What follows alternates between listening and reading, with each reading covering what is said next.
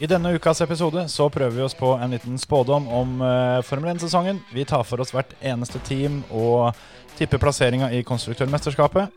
I tillegg så tipper vi topp tre for førerne, og jeg kan avsløre såpass at det blei grei temperatur i studio underveis, så her er det bare å følge med og se om du er enig i våre spådommer. Kos deg med denne ukas episode av Føremøtet. Three, two, one. Go. Right, left bus opens 20, left six right bus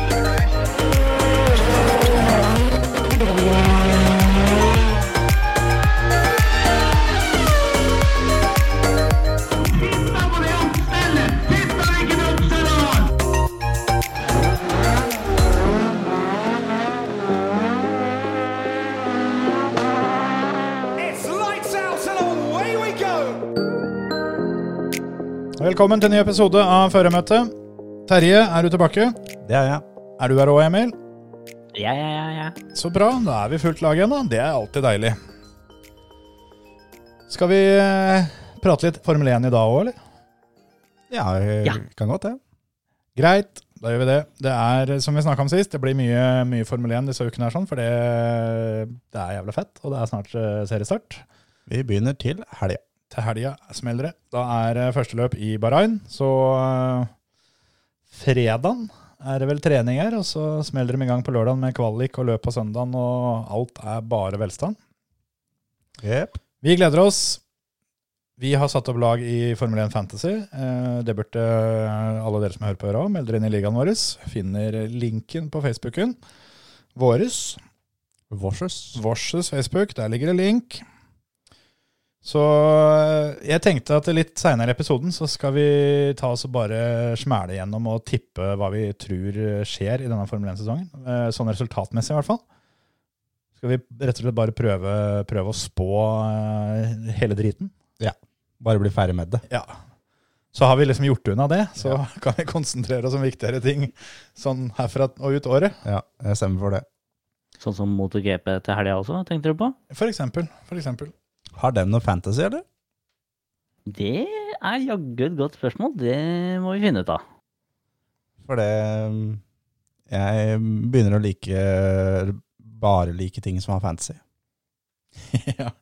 Jeg er litt der sjøl, i og med at det har blitt jobben min. Jeg jobber med fantasy i sykt mange forskjellige former eh, hver eneste dag nå, så Så jobben din er å være trollmann? ja det Jobber ikke dem også med fantasy? Å hjelpe, trøste. Ja, Jeg kan melde om at de har det. Få lagd liga. Jeg er med. Vil du? jeg skal ha Coeltararo, eneste jeg kan navnet på. Han og Mir, dem, dem kan jeg navnet på.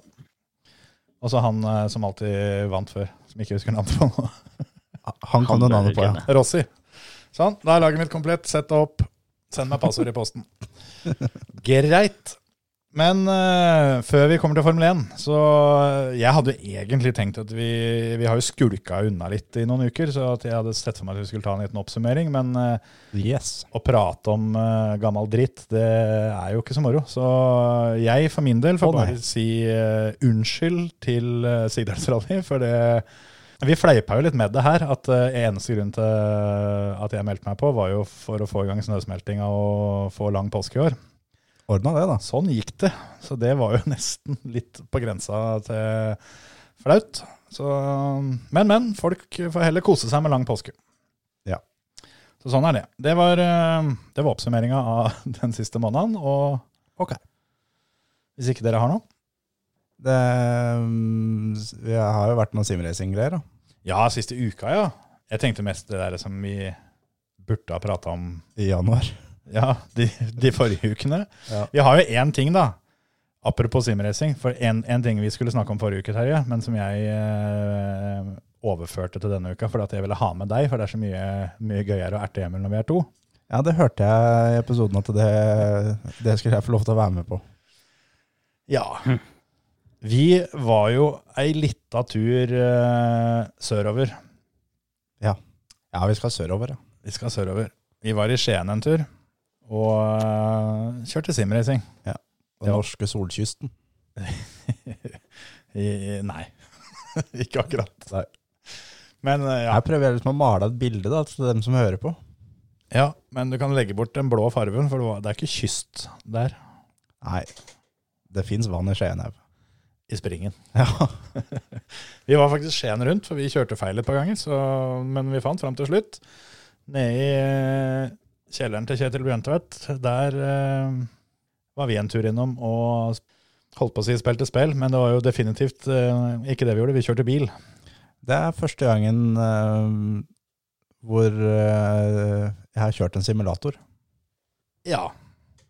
En ordentlig simulator. 100 eh, simulator, ja. Ja. Den, eh, den hadde den, Ja, det, vi prata litt om det etterpå, at det er nesten eh, bedre å putte penga i en sånn simulator enn å kjøpe seg én bil som du kan kjøre med på ordentlig. For det, da har du bare én bil, mens med den simulatoren så har du veldig mange. For Ja. det der var så sjukt fett og så ekstremt virkelighetsnært at det, det duger, altså. Det er det eneste den uh, riggen og utstyr han som mangler, er bra nok spill, Ja, rett og slett. det er jo faktisk en måte å si det på. For det er eh, Det er det sjukeste jeg har vært med på noen gang, rett og slett.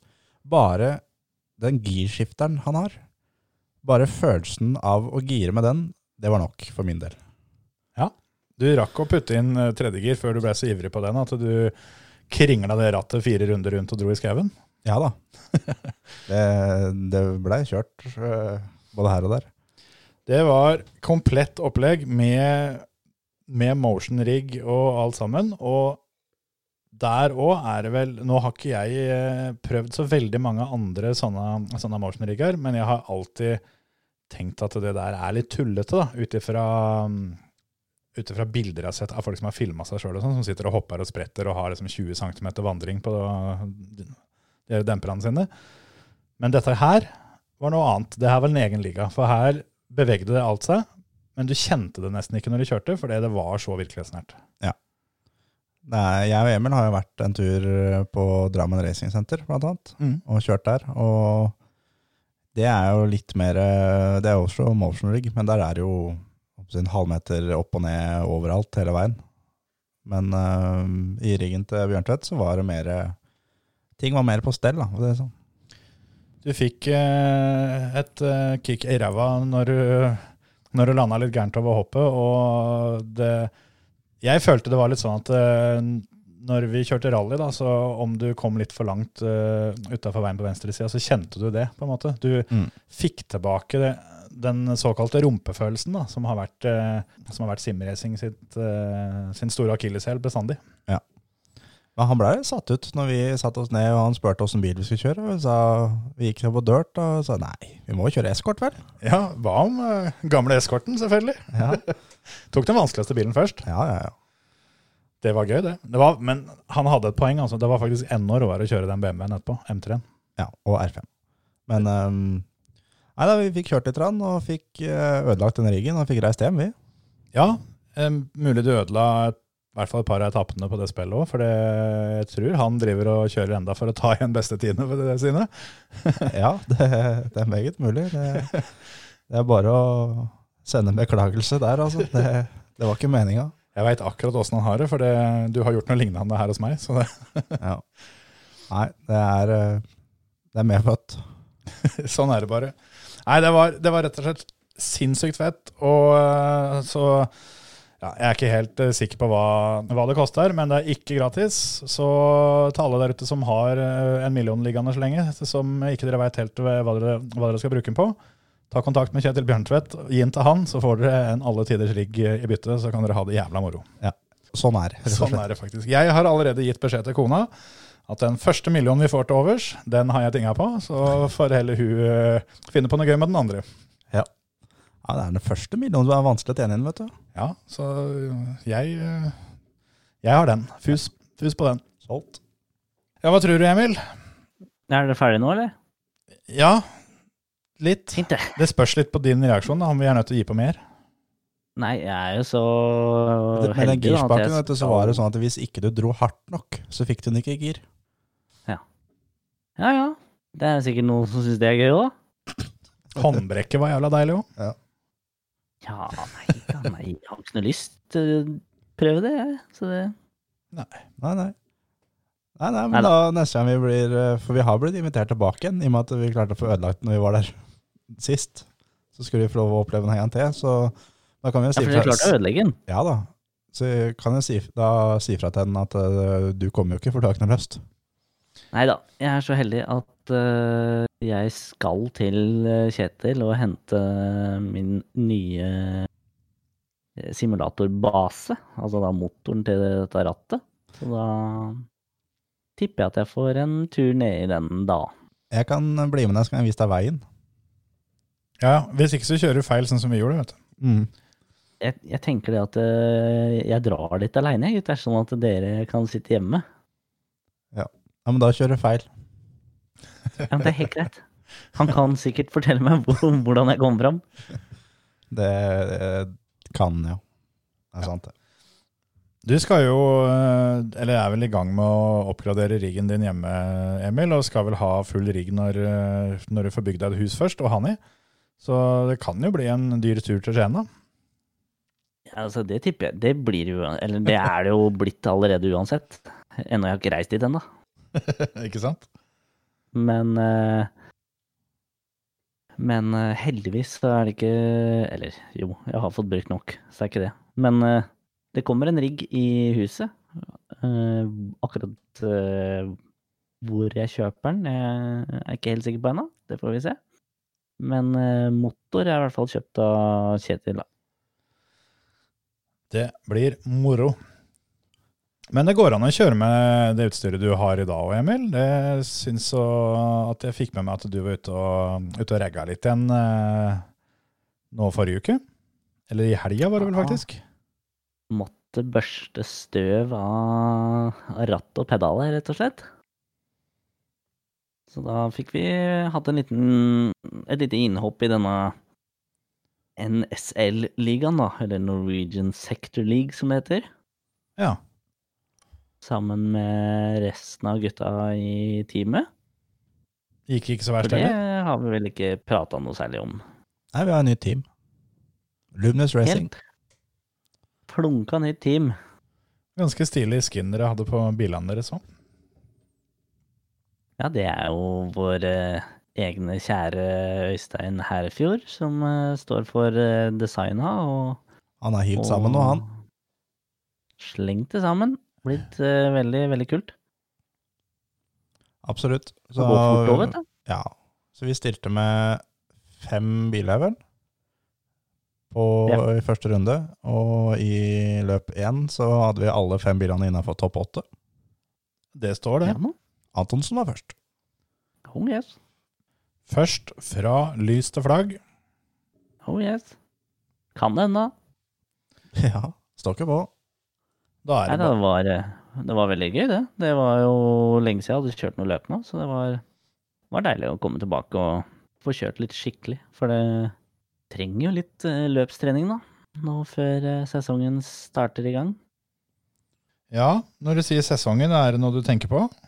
Ja, kan vel hende vi skal kjøre litt løp i år, da. Vi får se. Spennende, spennende. Må jo få brukt den hjelmen han har kjøpt. Å ja, sånn ordentlig sesong. Jeg tenkte på Sim-sesong. ja, det var litt av hvert. Men uansett om det er Sim eller ekte, så er det jo mye mer moro for meg hvis, eh, hvis dere kjører løp. For da har jeg noe å se på, og så ikke minst har vi noe å prate om. Ja, for eh, spørsmålet nå var jo Så du live på løpet? Ikke live, det gjorde jeg ikke. Men jeg så opptaket. Det er kanskje Var derfor sjukere. det gikk så bra. ja, ikke sant.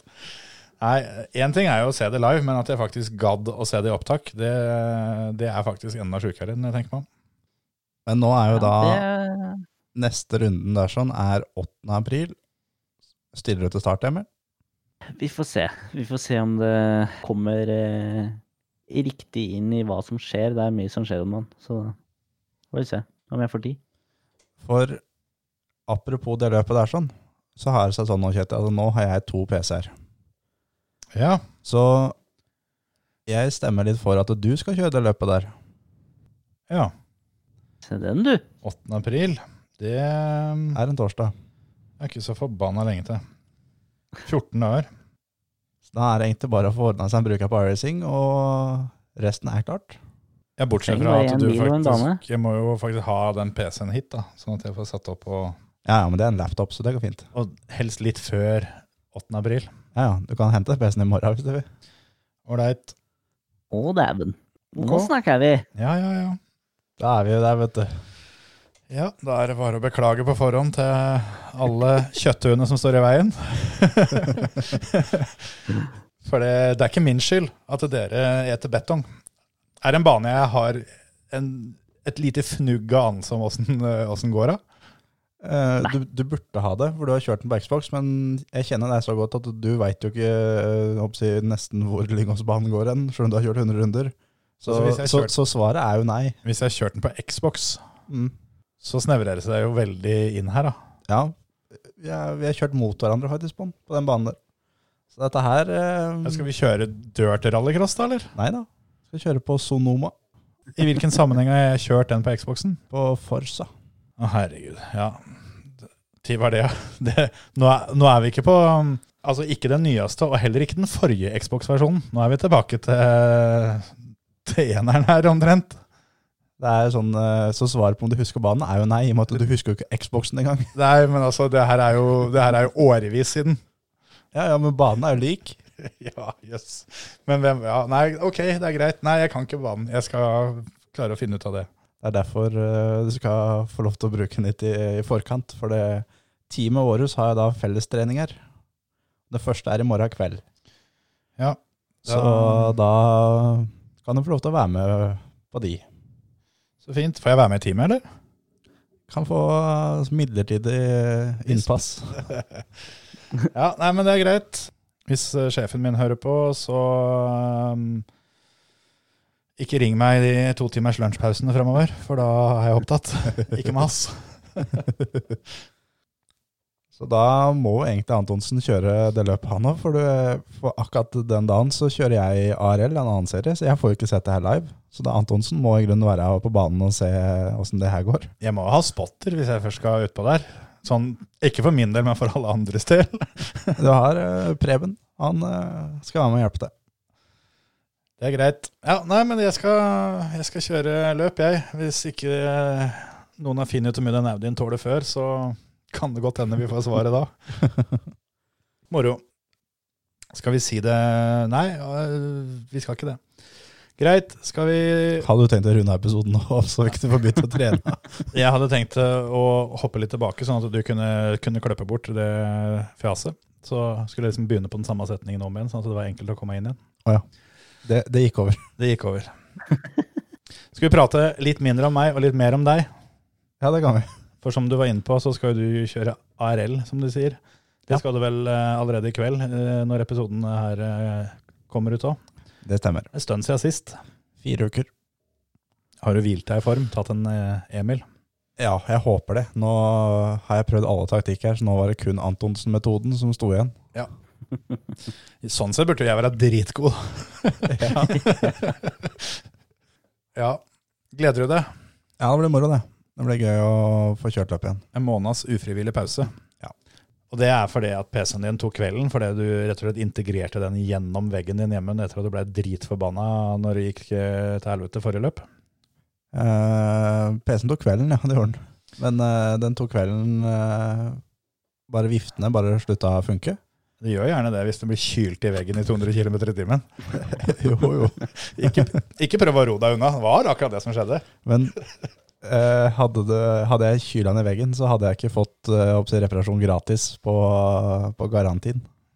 Så det, jeg fikk den tilbake igjen i dag, og den er eh, fit for fight. De har bytta noe temperaturmodul, eller hva faen det sto for noe. Og nå går viftene på 6000 omdreininger på nytt.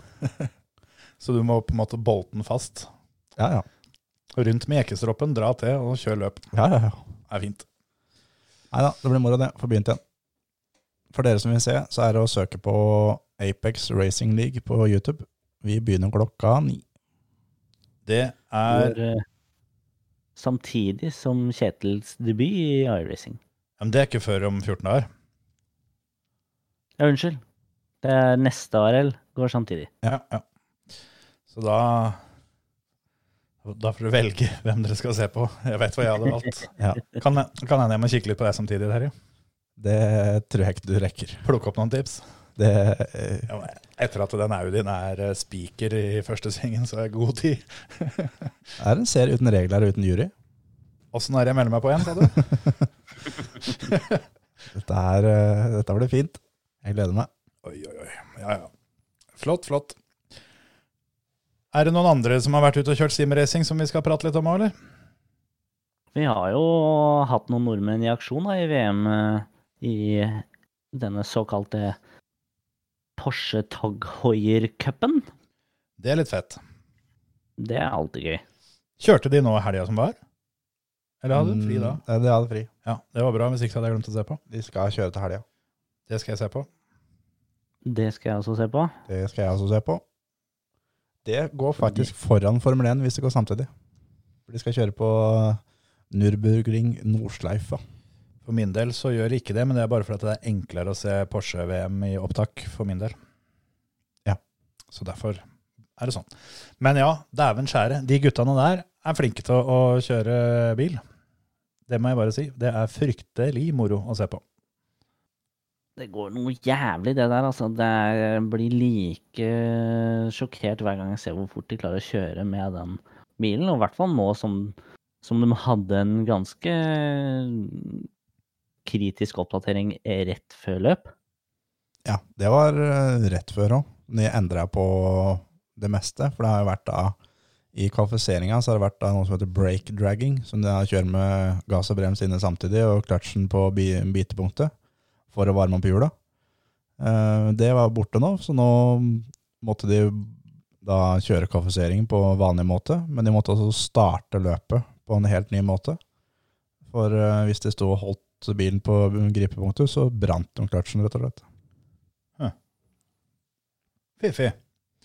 Det er jo alltid kult å få rett før løp. Ja.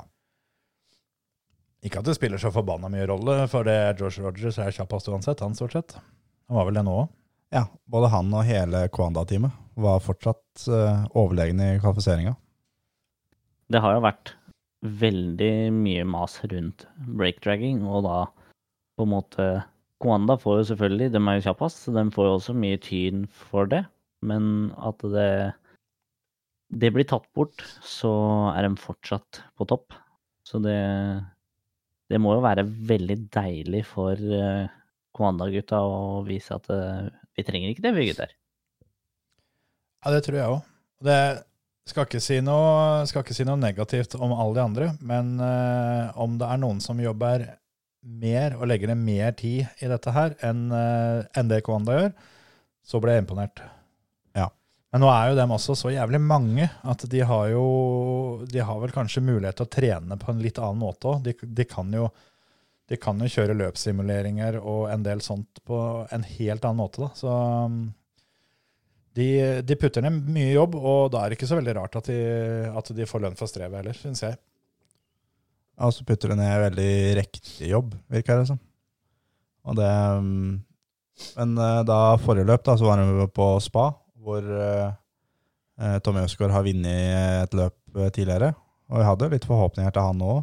Og skuffa litt i kvalen, hvor han ble med 15. Og da, fra 15., da er, det- da er det vanskelig å få gjort stort. Eh, kom seg opp til ble han med 12 i sprintløpet. Og, men i hovedløpet så var han jo virkelig ute og, og jobba litt. Og var oppe på sjetteplass og kom seg opp til en fjerdeplass. Og så plutselig så lå han nummer tre, og var da egentlig klar til å kjøre forbi de foran, men hadde da Benneke rett bak seg. Og jeg snakka litt med, Tommy, og han, det han sier, er at Eh, Plutselig så var jeg nummer tre med- med Benneke bak meg. Da fikk jeg et taktisk dilemma på et tidspunkt hvor jeg ikke var nære nok til, til å passere nummer to, mens Benneke var klar for å gjøre et angrep på meg. Jeg kunne la han passere uten å tape mye tid og fortsatt ha mulighet til å vinne, men å nå være nummer fire, eller jeg kunne forsvare meg for alt det var verdt og prøve å ta hjem en tredjeplass. Jeg gikk for, sist, for sistnevnte. Jeg ga ikke Benneke én centimeter gratis. Det var noen harde kamper der med en del dør til dør, og vi mista kontakten med teten. Så han øh, valgte rett og slett å stå litt opp da, og ta den fighten med Benneke, som svært få andre tør å faktisk ta. Og selv om han på en måte ofra seieren der, så så prøvde i hvert fall. Men han, eh, Benneke trakk det siste strået likevel. Ja, og de to har jo eh, litt eh, ublid historikk. Det har jo vært noen situasjoner mellom de to som eh, ikke bare har endt med bare endt med blomster, så det var litt spennende der sånn. Og jeg tipper vel at Ben ikke, ikke, ikke står på julekortlista til Team Kwanda sånn generelt. Så kan det hende det at han eh, får eh, en stjerne i boka i, i, i teamet, i hvert fall, for å, for å ta den fighten. Ja, det tror jeg. Og jeg tror det er viktig å ta den fighten òg, sånn for seinere løp. At da, Mm. da kan jeg at de, Tommy og Benneke, kanskje får tilbake litt eh, respekt til hverandre. Som gjør at da kan Tommy kanskje kjøre et løp da, og ha Benneke bak seg uten å være redd for at nå blir jeg kjørt. da. Så, Skal det sies at Tommy, Tommy hadde 15 incidents ut på siste runde òg. Ja. Og altså da incident points, det får du jo så fort du er utafor banen eller for hard kontakt med noen andre, så får du gjerne to eller fire incident points.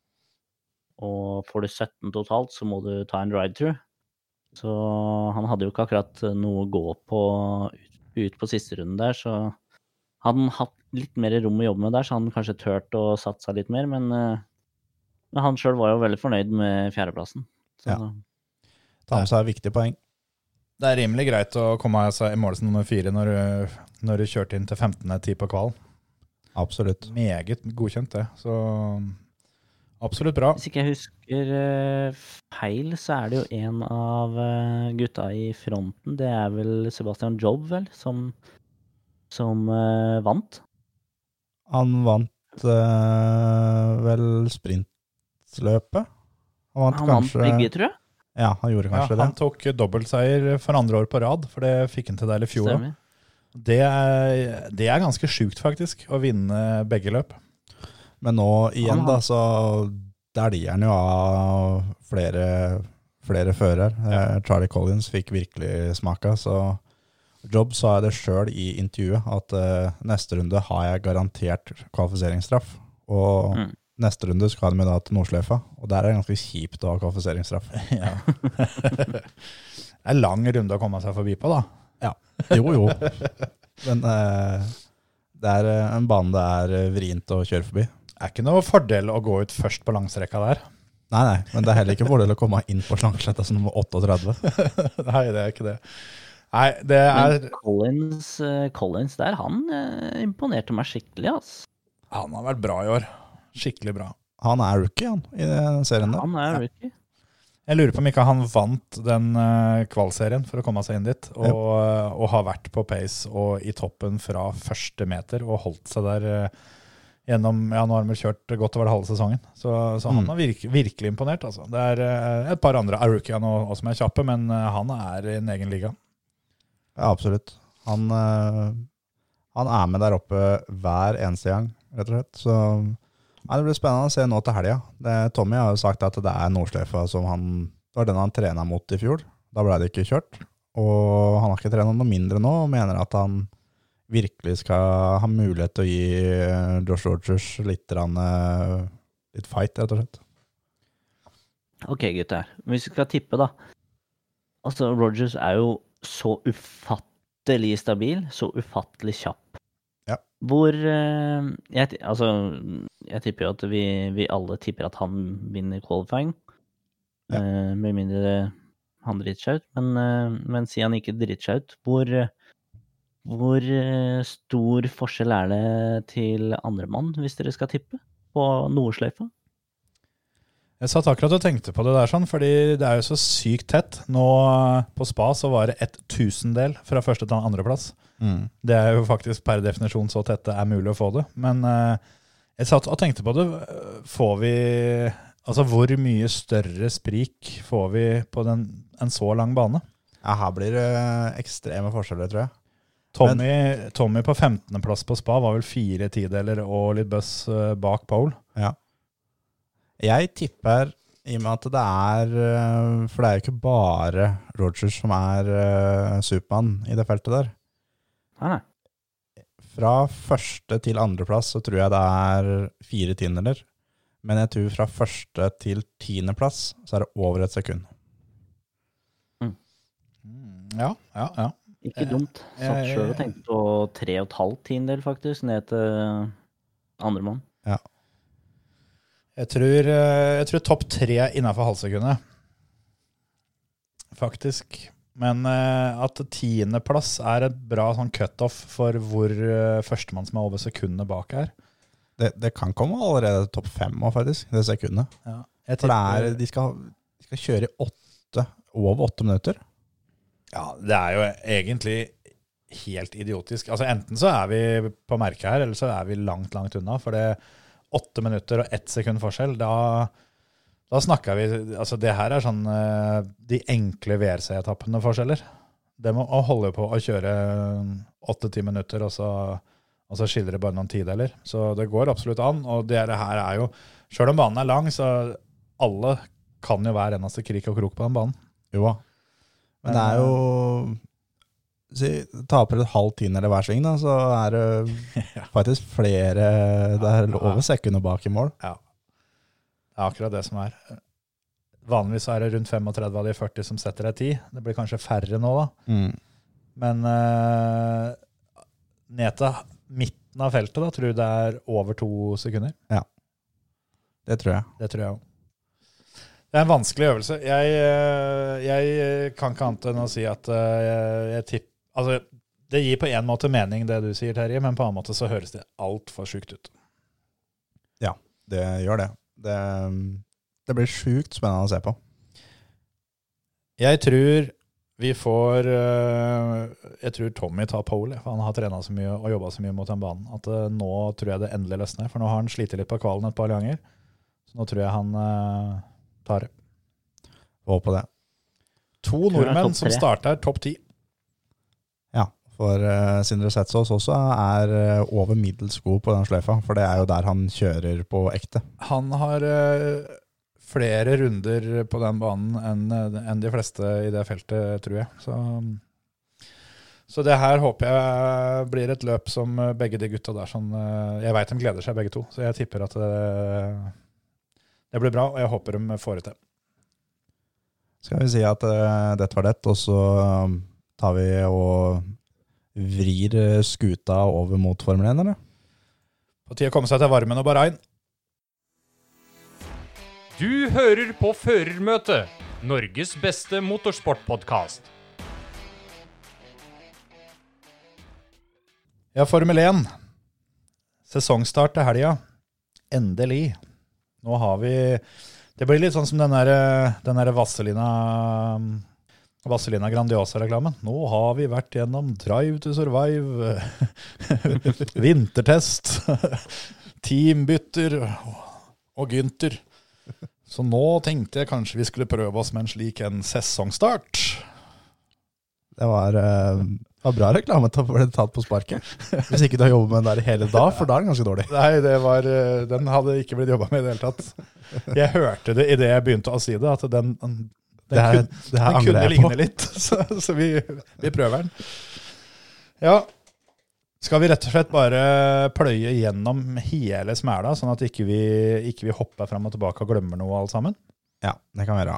For det som vi tenkte vi kunne gjøre, er jo å Vi tipper eh, konstruktør-VM. eh, da 1 til 10. 10 til 1. 10 til 1 blir det da. Og vi lanserer hvert vårt lag på, på hver enkelt plass og blir enige om det. Og så snakker vi rundt eh, det laget. Ja, det blir litt krangling underveis, men sånn skal det være. Ja. Vi begynner på tiendeplassen, da. Hva har du der, Antonsen? Åh, jeg går for uh, ingen ringere enn has der, altså. Støttes herfra. Ja, da blei det has i bånn, da. Ja, fordi det var to mot én, eller fordi det alle tre er enige?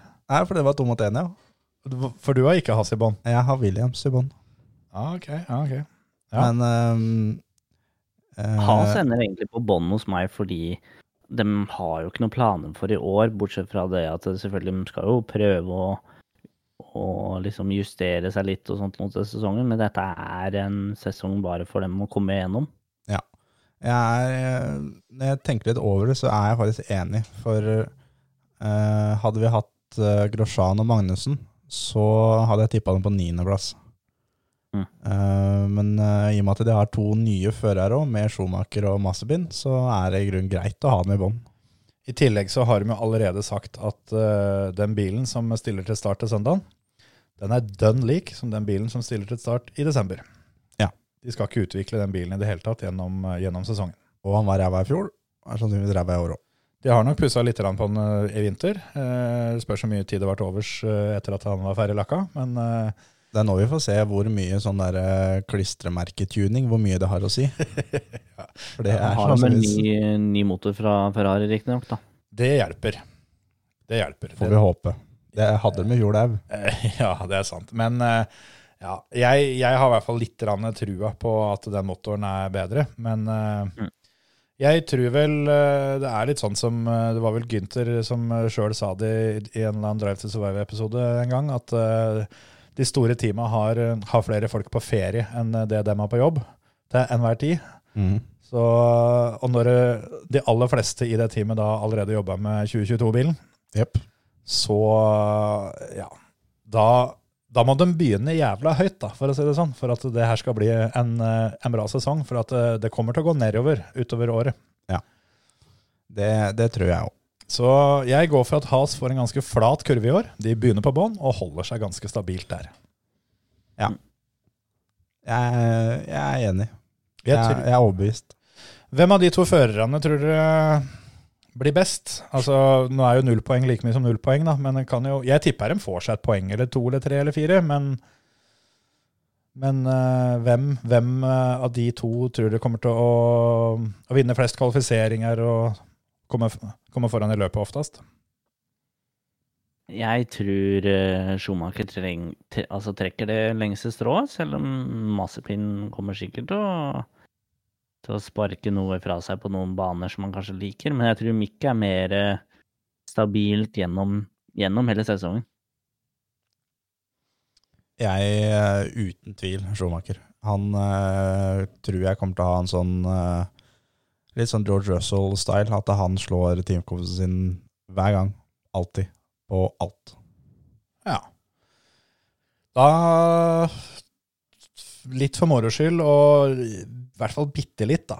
Fordi jeg tror det sjøl, så får jeg gå for maspinn. jeg, Jeg, si, jeg tror han kommer til å jeg vet ikke helt hvordan jeg skal forklare det, men han er så sjuk i huet sitt at uh, enten så blir det bare en helt fantastisk katastrofesesong, eller så tror jeg faktisk han kommer til å få det til lite grann. Uh, så um, Hvis, hvis Has tar fire poeng i år, så tar de mer poeng i år enn i fjor. Ja, for de tok tre i fjor, og Gynter har vel sagt det, at hvis de klarer å ta like mange poeng som i fjor, så er det en kjempesesong. Ja. Men eh, nei, jeg tror Masepin gir mer faen, og på grunn av det kommer til å plukke litt, eh, litt plasseringer og sånn. Og det, altså det blir spennende å se om åssen de andre førerne rundt den rett og slett reagerer. Om, eh, om, om de blir litt redde for den og lar den holde på, eller om han blir satt kraftig på plass. Jeg tror ikke det har så jævla mye å si, men jeg tipper eh, knepent eh, fordel Masepin. Bare for interne intern eh, konkurransens del. Niendeplassen, da? Hvem har du der, Emil? Nei, Den går dessverre til Williams. Enig. Ja. Det er ikke så mye overraskelser, det, kanskje. Når ikke de er sist, så må den nesten bli nest sist. Ja. Ja. Jeg tror ikke de har noen sånn kjempeprogresjon på den bilen, selv om det er kanskje, kanskje noe. Men, eh, men jeg tror vi kommer til å se at Russell tar noen poeng i år. Ja. Ja, det tror jeg òg. For Williams var jo da eneste teamet som ikke tok poeng i eh, 2020. Sjøl om George Russell tok poeng. Ja. Ja. Da, da, da. Men eh, Latifi derimot kommer ikke til å ta noen poeng, det er jeg ganske sikker på. Selv om Han var nærmest i fjor, da. Han fikk vel to ellevteplasser, tror jeg, i fjor. Ja, altså hadde jo ikke Hadde det ikke vært for eh, Russell sin uh, litt lille glipp, så hadde han jo hatt poeng i Williams-bilen i fjor. Det er litt sånn uh, De gangene som Latifi var nærme å ta poeng, det er litt sånn Da må det ryke seks-sju biler ut foran Minst. minst. Og litt sånn sesong tror jeg også Masepin kan få, altså. Ja.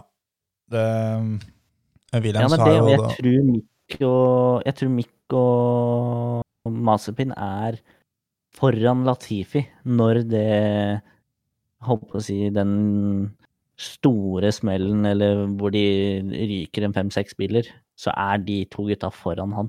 mm. Vi kan jo da si det at eh, i Williams så er det George Russell og Niklas Latifi som kjører. For Ja. dere som ikke veit det. Samme som i fjor. Samme laget. Frank er ute. De har vel, eh, så vidt jeg vet, fortsatt ikke noe hovedsponsor på bilen. Så det blir spennende å se hva som skjer der. For det, alle de andre bilene vet hvordan det ser ut, mens Williams er vel den eneste bilen som har sjanse til å endre på utseendet. Mm. Artig. Så hvis du har eh, en hel haug med millioner til overs, altså litt mer enn den ene, den ene millionen du er nødt til å gi til Bjørntvedt for å kjøpe rigg, så ta kontakt med Williams og kjøp deg, kjøp deg reklame. Ikke alle lottomillionærer er som er Åssen er den der? Ikke Ikke alle um, millionærer er som lottomillionærer. Lottomillionærer er ikke som andre millionærer. Ja. Otto-millionærer er jo nå om dagen. Kjempemorsom, den bikkja. Otto er faen meg formann. Den er morsom. Otto er den kuleste bikkja som har vært på TV. Han. Glem Anton, da. Otto er formann. Ja, jeg er helt, eh, helt enig. Åttendeplass. Pinne? Åttendeplass. Åttendeplass går til Alfa Romeo, dessverre. Ja, jeg er enig i den. Det var ikke så gøy dette her, når er enige hele. Nei, da, men jeg, jeg tror herfra opp så tror jeg det kan være litt eh, Jeg veit i hvert fall at jeg har noen som kommer til å Enig. hva skal jeg si, røre litt i suppa. Men eh, Men eh, Nei, Kimi er jo stødigheten sjøl, tror jeg, i år. Bare, Ja. for, bare for å skyte inn det, så er vi vel alle tre enige om at George Russell tar internkampen i Williams. Ja. Bare sånn at ikke vi hopper over det. Ja, Det er vi. Og så tror jeg Kimi Reikon tar eh, internkampen i Alfa Romeo. For det er han og Antonio Giovinazzi som kjører der. Og Samme de var uh, i grunnen ræva i fjor. Ja. Men eh, de er nok litt bedre i år, men eh, fortsatt ræva i år òg, tror jeg. Det de var gode til i fjor, var jo Nå er jeg spent. å avansere i feltet tidlig. Spesielt Giovinazzi kom seg helt til det siste løpet før han hadde en førsterunde hvor han ikke tjente plasseringer. Ja. Det var, han var det vel eneste føreren som eh, fikk det gjennom hele sesongen. Uh, Kimi må jo ha vært den føreren som uh, hadde, hadde flest forbikjøringer totalt i fjor. Både kjørte forbi og blei kjørt forbi, for det var inn i helsikas mange. Mm. Begge retninger. Runde én på Portimao der, med Kimi. Ah, fy, reis du hjem, altså. Den inboardsen der er jo bare bilporno, egentlig. For det, i fjor da, så tok Alfa Romeo åtte poeng. De tok 99 poeng mindre enn sjuendeplassen i fjor. Ja. ja. Så at de er på en åttendeplass på lista vår nå, det Sånn må det bare bli. Jeg tar eh, den der, ja, at jeg tror Giovinazzi vinner internkampen i teamet. Ja. Han eh, var fryktelig nære å gjøre det i fjor.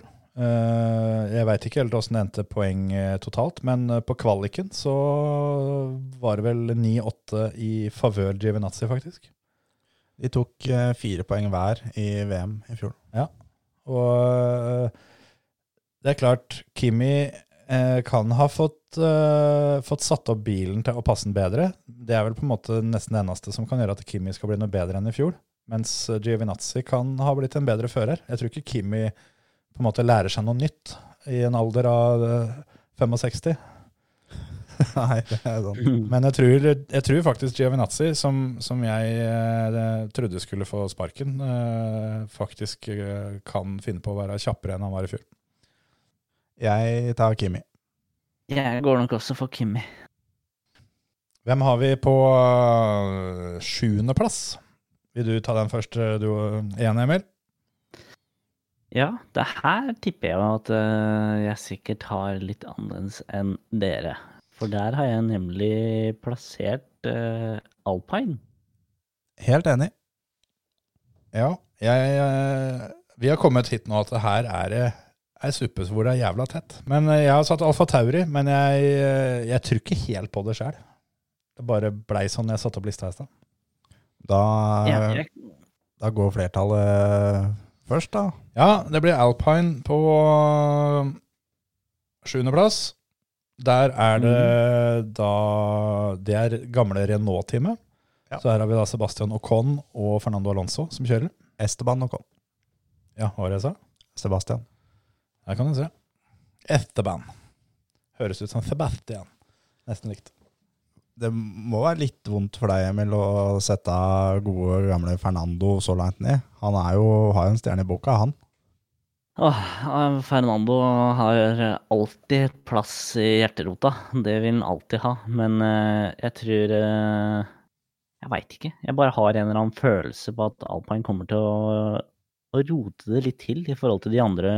Jeg tror de har litt for mye fokus, eh, eller litt mer fokus på 2022-bilen. Så dere hvor svær og feit den bilen var? Eller motorcoveret, liksom? Nei, men alt. Han var jo høyere, han var breiere. Var, altså, alt var Ja, alt var er nødt til å bygge, bygge om for å få Fernando, som har vært hjemme et år, og han til å komme ned i. Ja, kanskje det. Han har jo eh, Har jo med seg ekstra vekt. Har jo kjeven full av metall. Ja, ja, ja. Eh, Det går rett på ytelsen av bilen, vet du. Gjør det.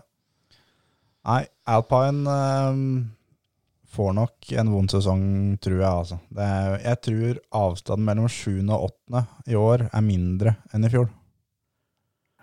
Mm. Jeg sitter her og tenker at jeg ville endra, på lista mi, men jeg kan ikke gjøre det nå. Men eh, jeg har jo tenkt litt som så at eh, Alonso har jo litt peiling på seiling, så han eh, holder jo huet over vannet gjerne, han da. Og, uh, Ocon skuffa meg en del i fjor, men nå har han fått et uh, år for å kjøre ut, ut rattrusta, så kanskje han blir litt mer stabil. Han kom seg litt mot slutten av sesongen, så jeg har egentlig tenkt at de skal få det til. Jeg syns Renault-teamet avslutta forrige sesong veldig sterkt. Men uh, det er jo mye, mye som er endra siden den gang. Ja, det er mye, mye spennende nå. Og da låser vi Alpine på en sjuende, og så går vi til sjetteplass. Hva har du da, Kjetil? Jeg har jo da Aston Martin, men uh, når jeg tenkte meg om, så ville jeg helst hatt Alfa Tauri der, og Aston Martin jeg tatt ned. Men uh, det ble Aston Martin fra meg. Og du, Emil? Alfa Tauri får den plassen. Jeg har, ehm, jeg har Ferrari der. Og vi er der, ja. Nå har vi endelig noe å prate om. Oi, oi, oi. Men jeg, jeg kan Nei, nei. jeg, jeg, jeg kan, hvis jeg skulle vært enig med en av dere, Ja, men det så er det Alfa Tauri. For eh, jeg har Aston Martin mye lenger opp. ja. ja. Men det, er jo ikke noe, det blir jo ikke noe krangling hvis du skal gi deg med en gang og si at du er enig med noen andre. Nei, men egentlig så, egentlig så hadde jeg tenkt å ha Ferrari på sjuende. Ja, nå er jeg spent. Nå må du forklare hvorfor, eh, hvorfor Ferrari skal være så dritt i år. Fordi det var så usannsynlig dritt i fjor. Ja. Og Men hvor endte de i fjor, Terje? på sjette. Ja. Så nei, de endte på sjuende. Exactly. Eller endte de på Jo, de endte på sjette, sjetteplass i fjor. Derfor så har jeg dem på sjetteplass i år òg. For jeg tror ikke at det blir så fryktelig mye bedre enn det det var i fjor. Nei, så Vi har plassert dere nå bak dem allerede. Så du tror da blir det Alfa, Alfa Tauri eh, som går forbi dem? Har, grunnen til at jeg har det der, er jo at eh, også at Carlos Sainz kommer til å slite litt de første løpa i en ny bil. For det er ikke vært så veldig mye vintertesting. Eh, Det er en helt annerledes bil enn hva han har kjørt før, så han kommer ikke til å bidra stort eh, til å begynne med. Og ut ifra vintertestene så har de jo ikke funnet noe revolusjonerende på den bilen der enn det de hadde i fjor. Det, det jeg tenker da, med, med det der, er at Alfa Tauri har jo utvikla en, en grei bil, virker det som, ut ifra testinga. Og, men eh, de har Sunoda som kommer inn, som kjører fort, for så vidt. Og Gausli hadde jo et par bra resultater, annet en seier, selvfølgelig. Men, men jeg tror Ferrari knepper plassen foran dem, for det, de, de hadde en miserabel Fettel i fjor. Mm. Mm. Så han hata jo å være der, og han kjørte ikke noe bra, og det var ingenting som fløyt. Og du veit jo sjøl når du ikke har noe medvind, og alle jobber litt mot deg, på en måte, og du jobber litt mot deg sjøl til slutt, og du snurrer og styrer og ordner. Så han tok jo ikke noe poeng omtrent i det hele tatt. Han tok ett poeng mer enn eh, Dani Kviat. Og eh, Ja. det var takket, eh, altså i stor grad takket være den eh, noe tilfeldige tredjeplassen han eh, fikk i, på Istanbul Park. Stemmer. Men eh, jeg, jeg, kan, jeg kan gå med på å ha Alfa Tauri på sjuende, men Ferrari skal ikke noe høyere opp enn sjette. Nei da, Ferrari er sjette hos meg. Jeg kan jo da si at jeg er Ferrari på fjerde. Er du for Oi. en fyr, da? Jeg eh, har tenkt som så at uh, Jeg syns røde biler er så flotte, så jeg vil ha det litt høyt opp. Men vi kan jo ta femteplassen først, for det høres ut som det blir eh, diskusjoner der òg. Ja, Vi endte med Alfa Tauri på sjette, som jeg egentlig i utgangspunktet hadde på sjuende. Jeg, jeg tror jo at eh, sånn på papiret så skal jo Gasly og Tsunoda, som da kjører for Alfa Tauri, eh, ikke, ikke være bra nok. Men uh, Gasly visste jo at han eh, fikk til ting med den bilen i fjor, og Tsunoda har jo bare alle tegn til å være et skikkelig unikum over seg. Så jeg tror de kan overraske en del, men eh, det er det med stabiliteten gjennom en hel sesong. Da. Så at de havner på sjetteplass, det kan godt hende. Den, eh, den kan jeg være med på. Men, da, da låser vi Alfa Tauri på sjette. Og så blir det da tydeligvis Ferrari på femte, da, eh, som er snitt av det vi, det vi har. Ja. Jeg tenker som så at, som du var inne på, Emil, eh, at Science eh, skal være noe dårligere enn det, enn det Vettel var i fjor. Det er plundrete. Science er, Ja. har jo ett varemerke, og det er jo at han er jævla stabil. da. Og at han, han jobber beinhardt. Han eh, tar til seg ting. Så at han kommer til å utvikle seg forholdsvis kjapt. Og det er en veldig lang sesong. Det er jo, det er jo den, den sesongen med flest løp ever. Ja. Eh, Det taler definitivt til, eh, til Science sin fordel. Men så er det det at hvis bilen er ræva, så altså, altså motoren, da, hvis den er eh, like dårlig eller ikke vesentlig bedre i år enn den var i fjor, så hjelper det på en måte ikke hvor hardt en jobber, hvor mye jobben legger ned uansett, fordi da jeg, dritt er fortsatt dritt, da, selv om det bakker inn i gullpapir. Nå husker jeg at, eh, at Charles Leclerc lå an til å bli nummer fire i fjor, da, før eh, den fantastisk håpløse sesongavslutninga, når han ble kjørt av i Sakir Grand Prix der og tok vel omtrent ikke poeng på de siste tre-fire løpa der. Eh, Så han fikk det til ganske bra i en, en skikkelig ræva bil i fjor, og det skal ikke så veldig mye bedre bil til før han fortsatt uh, er oppe og jobber. Han uh, var vel på pallen to-tre ganger i fjor med den her Ferrarien i fjor, det, det er ganske sjukt, altså. Så, så jeg tror han kommer til å bli veldig bra i år også. Eh, Jeg tror som sagt at, at bilen er litt bedre. Det, de har gjort veldig mye endringer på den, og det er liksom litt utypisk Ferrari å være ræva lenge. Hver gang de eh, kommer eh, over ei fartsdump, så får de opp farta igjen da, ganske kjapt. Så jeg, tror Ferrari bounce back, da, som det heter. Så derfor så tror jeg det at, eh, at Leclerc kommer til å være god. og Jeg tror Science kommer til å komme seg på pace eh, etter hvert. Men det avhenger selvfølgelig av det at de faktisk har, eh, har knekt noen koder med den bilen. Men som vi var inne på forrige uke, så, så tror jeg ikke at Ferrari så enkelt hadde, hadde gått med på den motorfrysen, hvis ikke de hadde vært eh, ganske trygge på at de har eh, funnet feilen da, og fått seg en bra motor. Enig. Da låser vi Ferrari der, da. Så da betyr jo det at vi har Aston Martin på fjerde, da, regner jeg med? Eller? Stemmer det. Det er korrekt. Jeg har jo de på sjette, og ville egentlig flytte dem til sjuende. Jeg tror det er for bra bil. Ja, jeg tror den bilen er øh, Det er en bil som jeg tror som var veldig, veldig bra i fjor, og også veldig bra på slutten av året i fjor. Motsatt, vel. Veldig, veldig Nei, bra, bra på, på slutten. Veldig, veldig, veldig bra på slutten i fjor. Når Perez vant, Stroll tok uh, Ja. uh, og så videre. Stemmer. Men, ja. Men det var jo sesongstarten som eh, de tok alle, alle med storm, og så ble de jo på en måte henta inn litt igjen. Men eh, eh, de fikk jo De fikk jo til litt på slutten, men da var det jo veldig mye andre tilfeldigheter inne, inne og jobba der òg. Men det var en bra bil, det var det. Jeg tror at den har blitt bedre over, eh, over vinteren. Eh, jeg tror Lauren Stroll har putta inn enda mer penger når han så hvor bra det gikk i fjor med pengene han putta inn da. At da, eh, som han sier i Drive to Survive, at eh, alt skal være seks stjerner, rett og slett. Og da, da blir det det etter hvert. Så, og jeg tror også at uh, Fettel kommer til å få en litt ny start, og han kommer til å være med og fighte litt mer. Jeg har satt de så langt ned pga. at den ene sjåføren er fortsatt Lance Stroll. Etter han var på pallen i eh, På Monza, var det ikke det? Ja. Etter han var på pallen der, så eh, tok hun eh, den pallplassen i, i Sakir, og så hadde han eh, en, en niende- og en tiendeplass, og det var det, på siste halvdel. Og han, han hadde jo to tredjeplasser, og ellers så var alt dritt. Ja, ja, men, men Og- han er jo Det er jo drit. Ja. Men, Og men Sebastian Vettel er ikke dårligere enn Sergio Perez. På noe som helst måte. Nei. Han er enten lik eller bedre.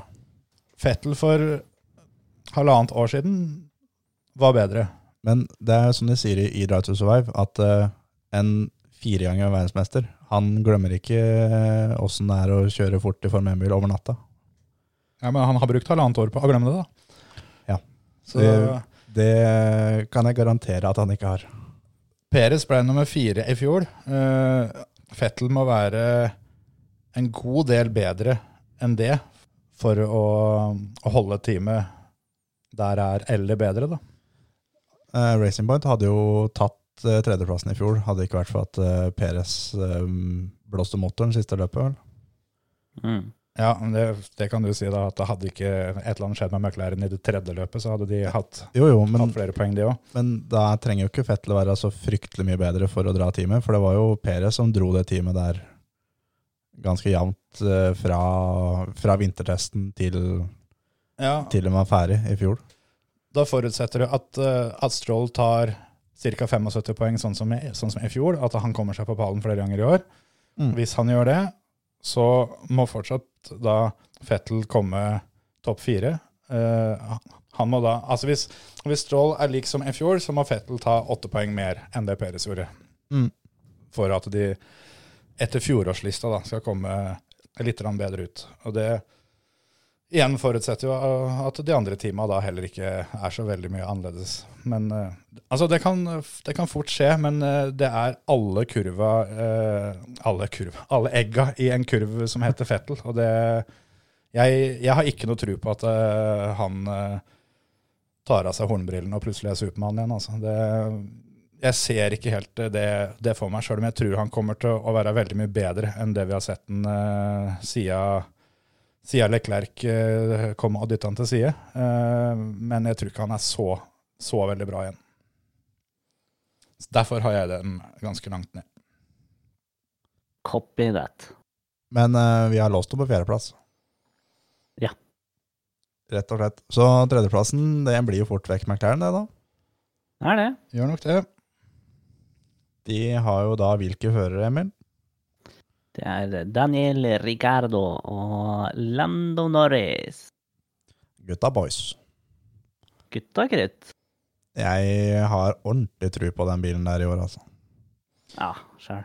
Bedre motor.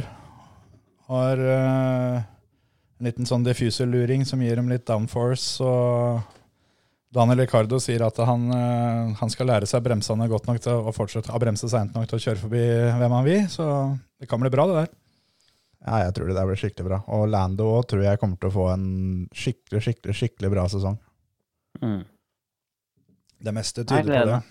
Han kom seg gjennom eh, det såkalte vanskelige andreåret med glans i fjor. Ja.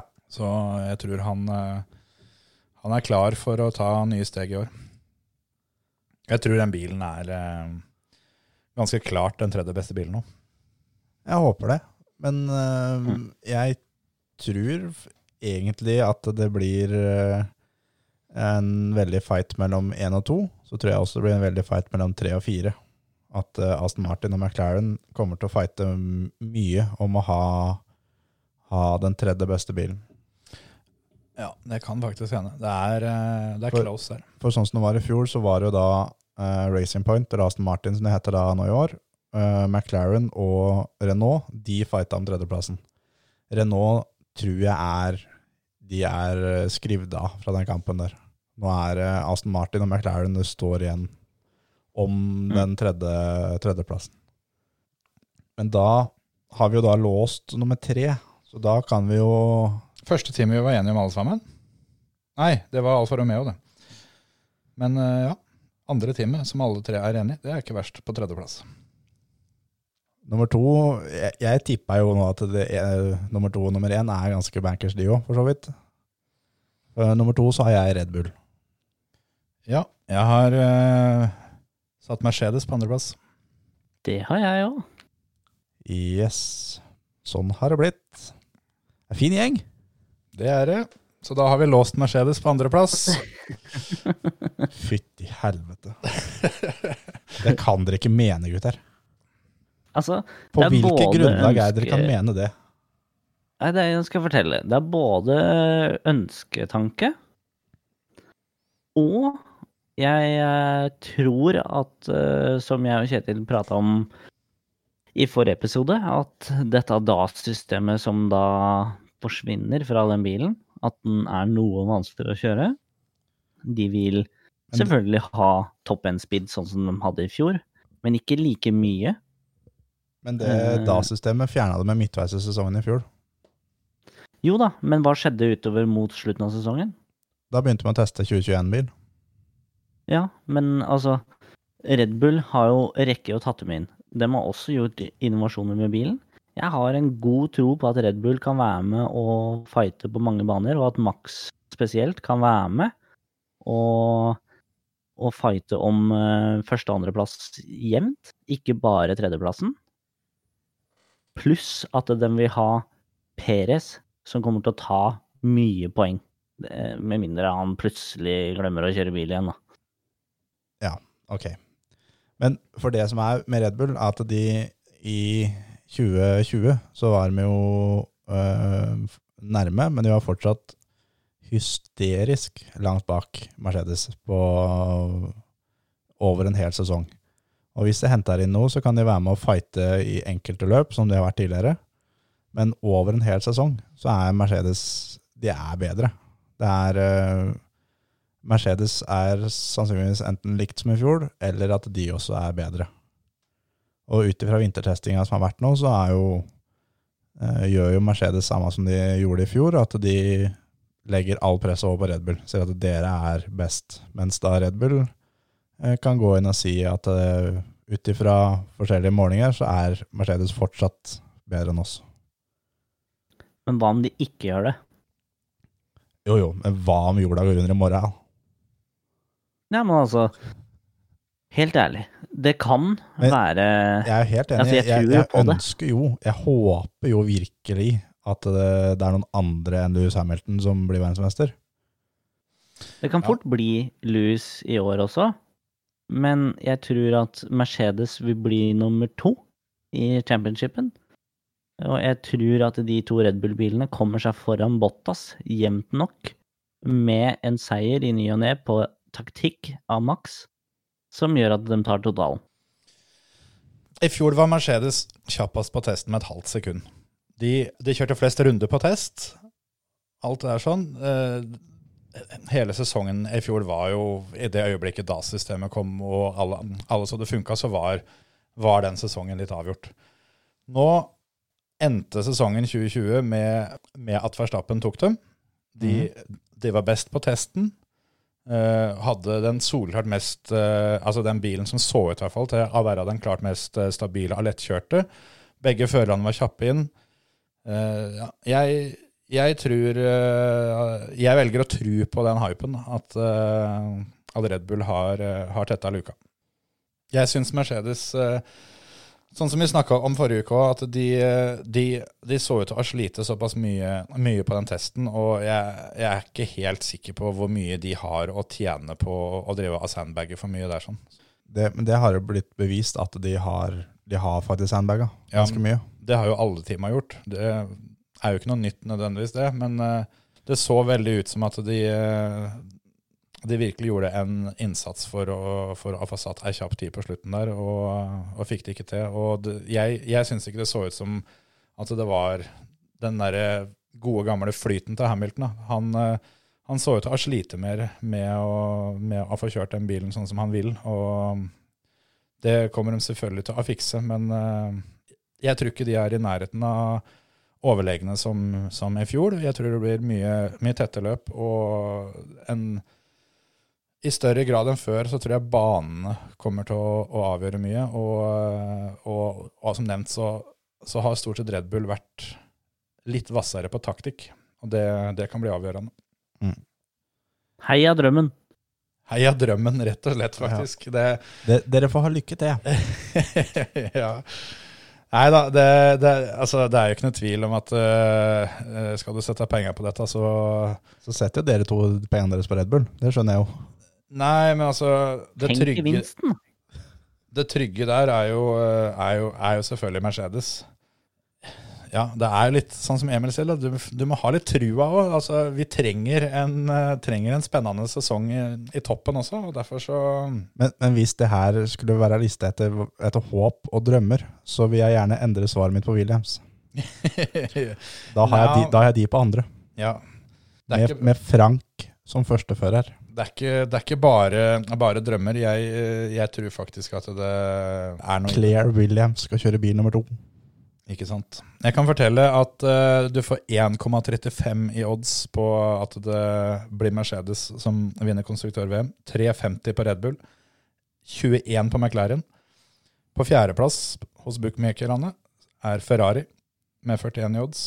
Stort hopp ned til Aston Martin på femte med 81. Så kommer Alpine, Alfa Tauri, Alfa Romeo, Williams og Haas ligger likt sist. Hva får jeg for eh, pengene mine hvis jeg setter dem på Frank? Eh, Da kan du få lov å spille hos meg, og du skal få en million i odds. Yes. på at eh, Frank vinner VM som fører. Ja, I og med at det her er en drømmeliste, så er, jo, er det jo sånn det blir. Men altså, akkurat det der er faktisk en ting som uh, er verdt å ta med litt i beregninga. For det uh, en kan si hva vil om uh, bookmakere, men de er såpass glad i penger at de pleier å ha peiling. eh, og oddsen som de, som de setter, er veldig, veldig ofte på ballen. Eh, der eh, har jo du rett da, med at det er Mercedes som er den klare favoritten. Ja. Men 3,50 på Red Bull at eh, Jeg husker ikke hva den var i fjor, men da var det lavere på Mercedes. Men jeg husker at den var ned på 1,20 eller noe sånt. Og jeg tror Red Bull da lå på en sånn 6-7. Så mye tyder på at det er i hvert fall nok bevegelser i oddsmarkedet til at de har tetta luka. Og så er det soleklart at McLaren er nummer tre. Ganske tydelig at Ferrari er fire og Aston Martin fem. Og så blir det litt mer grøt bakover. Så er Aston Martin Alpine og Alfa Tauri bak der. Så vi får se. Så da lista til føremøtet, da, i konstruktørmesterskapet. Vi kan jo for så vidt si hvem som kjører for Red Bull og Mercedes òg, så vi har det helt klart. Verstappen og Perez eh, kjører for Red Bull. Og Mercedes eh, kjører Never Change a Winning Team. Førstefører er Louis Hamilton, og andrefører er Walter Bottas. Ja, Bottas the wingman. Nettopp. Det var en Drive to Survive-spøk for de som ennå ikke har fått sett den. Gjør noe med det, og bare få sett det tvert, for det er sykt bra greier. Jeg er i gang på runde tre. Ikke sant? Syns du lyden ble bedre? Nei.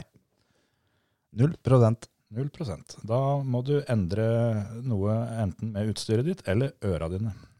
Jeg syns det ble bedre. Det er, Ja, noe, men det er minimalt, altså. det er jo helt annerledes. det er jo mye mer. Ja, da konkluderte vi med at det var ikke utstyret, det var øra det var noe feil med. Ja.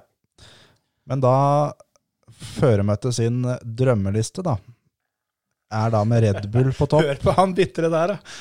Ja, men faen! er altså. Det er drømmeliste. Men helvete, gutter. Oh. Red Bull er, vinner tydeligvis da VM i år. Eh, og Mercedes Nei, Williams blir nummer to. Og så Hei, hei, hei. Ta ordentlig lista Ja. nå, da. Red Bull vinner VM. Mercedes blir nummer to. McLaren blir nummer tre. Aston Martin fire. Ferrari tror vi blir nummer fem. Så får vi Alfa Tauri på en sjetteplass. Alpine på sjuende. Alfa Romeo er nummer åtte. Williams blir nummer ni. Og Haas kommer helt dønn sist. Yes, det er rett og slett sånn det er. Skal vi ta kjapt uh, topp tre for førere? Ja, hos dere så er vel da Verstappen, Perez, og så får vi Hamilton på tredje, tenker jeg. Nei, Tsunoda er vel eh, så god at han tar pallen, tror du ikke det, Emil? Jo, jo, jo. Nei. Vi kan, eh, vi kan ta det videre. Terje, Terje har surna helt her, så her får, vi, her får vi kjøre Hamilton og Men, men, Bottas og Fettel, vel, men, tenker jeg. men vi, må, vi må ha det klart om det er et drømmeliste, eller om det er en liste vi faktisk tror. Som den Ja, forrige, tror noe vi faktisk tror. Ja, okay. Hvem blir med tre? Hvem spør du? Vil du begynne sjøl, Ja, en av dere. Eh, Valtteri Bottas blir tre. Ja, den er, eh, den er vanskelig å være veldig uenig i, altså. Jeg har, Peres. Peres der, ja. Jeg har så lyst til å, lyst til å si Leclerc, altså, men eh, det, det tror jeg blir litt for eh, stretch. Så jeg er enig med Nei, faen, jeg veit ikke. Jeg tror Jeg sier Charles Leclerc. All right. Hvem blir nummer to, Emil? Hamilton. Der har jeg Verstappen. Jeg har Verstappen. Og da, okay. som nummer én, så har jeg Hamilton. Det har jeg òg. Max Verstappen. Så Bottas, Number eh. Bottas skal ikke ta medalje i år. Nei, han får ikke det, Han altså. glemte å kjøre bil i vinter, han. Får bare fjerde hos meg. Han vinner vel sikkert første løpet som vanlig. Ja. Nei, det er det, det, blir Jeg håper skikkelig at det er eh, i hvert fall fem førere som kommer til å, å fighte mye. Men eh, topp to der tror jeg, tror jeg blir veldig, veldig close. Og kan være noe så enkelt som at det er tilfeldigheter eller antall brutte løp rett og slett som avgjør. Leclerc var 116 poeng bak pallen i fjor. Just saying. Eh, Det er feil. Ok. Så at han tok 98 poeng i fjor, og Verstappen tok 214, det stemte ikke, det. Jo, det stemte. Ja. Jeg tenkte Jeg så Estad, da så jeg feil, for jeg sjekka poengene til Peres, men han ble nummer fire, selvfølgelig. Ja. Han hadde 125, så jeg tenkte hvis han var tett på 100 poeng bak han, så hørtes det mye ut. Mm. Nei, I fjor så var de tre i front var jo De Ja. var jo aleine, dem. Ja, det var det. Det er jo verdt å si at Hamilton i fjor hadde vunnet konstruktørmesterskapet aleine. Det hadde han gjort. Det sier litt om uh, styrkeforholdet der. Så det er, eh, det er tall order at vi tror at, uh, at Red Bull tetter den luka der, Emil. Men jeg har trua, altså. Jeg har trua.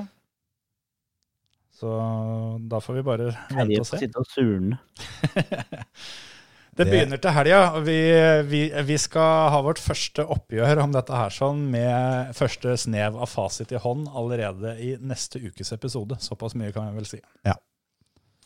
Skal vi, skal vi, skal vi gå hvert til vårt før det blir eh, knoker? Før det blir feastfight. Nei da. Det skal være litt temperatur. Det her blir gøy. Eh, nå legger vi lista for en, eh, en sesong som vi håper blir mye mer fight og mye mer close eh, på flere nivåer enn bare, bare midtfeltet. Så har vi like mye å krangle om eh, gjennom hele Formel 1-sesongen, så er jeg strålende fornøyd uansett åssen det går, for å si det sånn. Helt enig. Snakkes til uka, folkens. Ha det. Ha det. Ha det.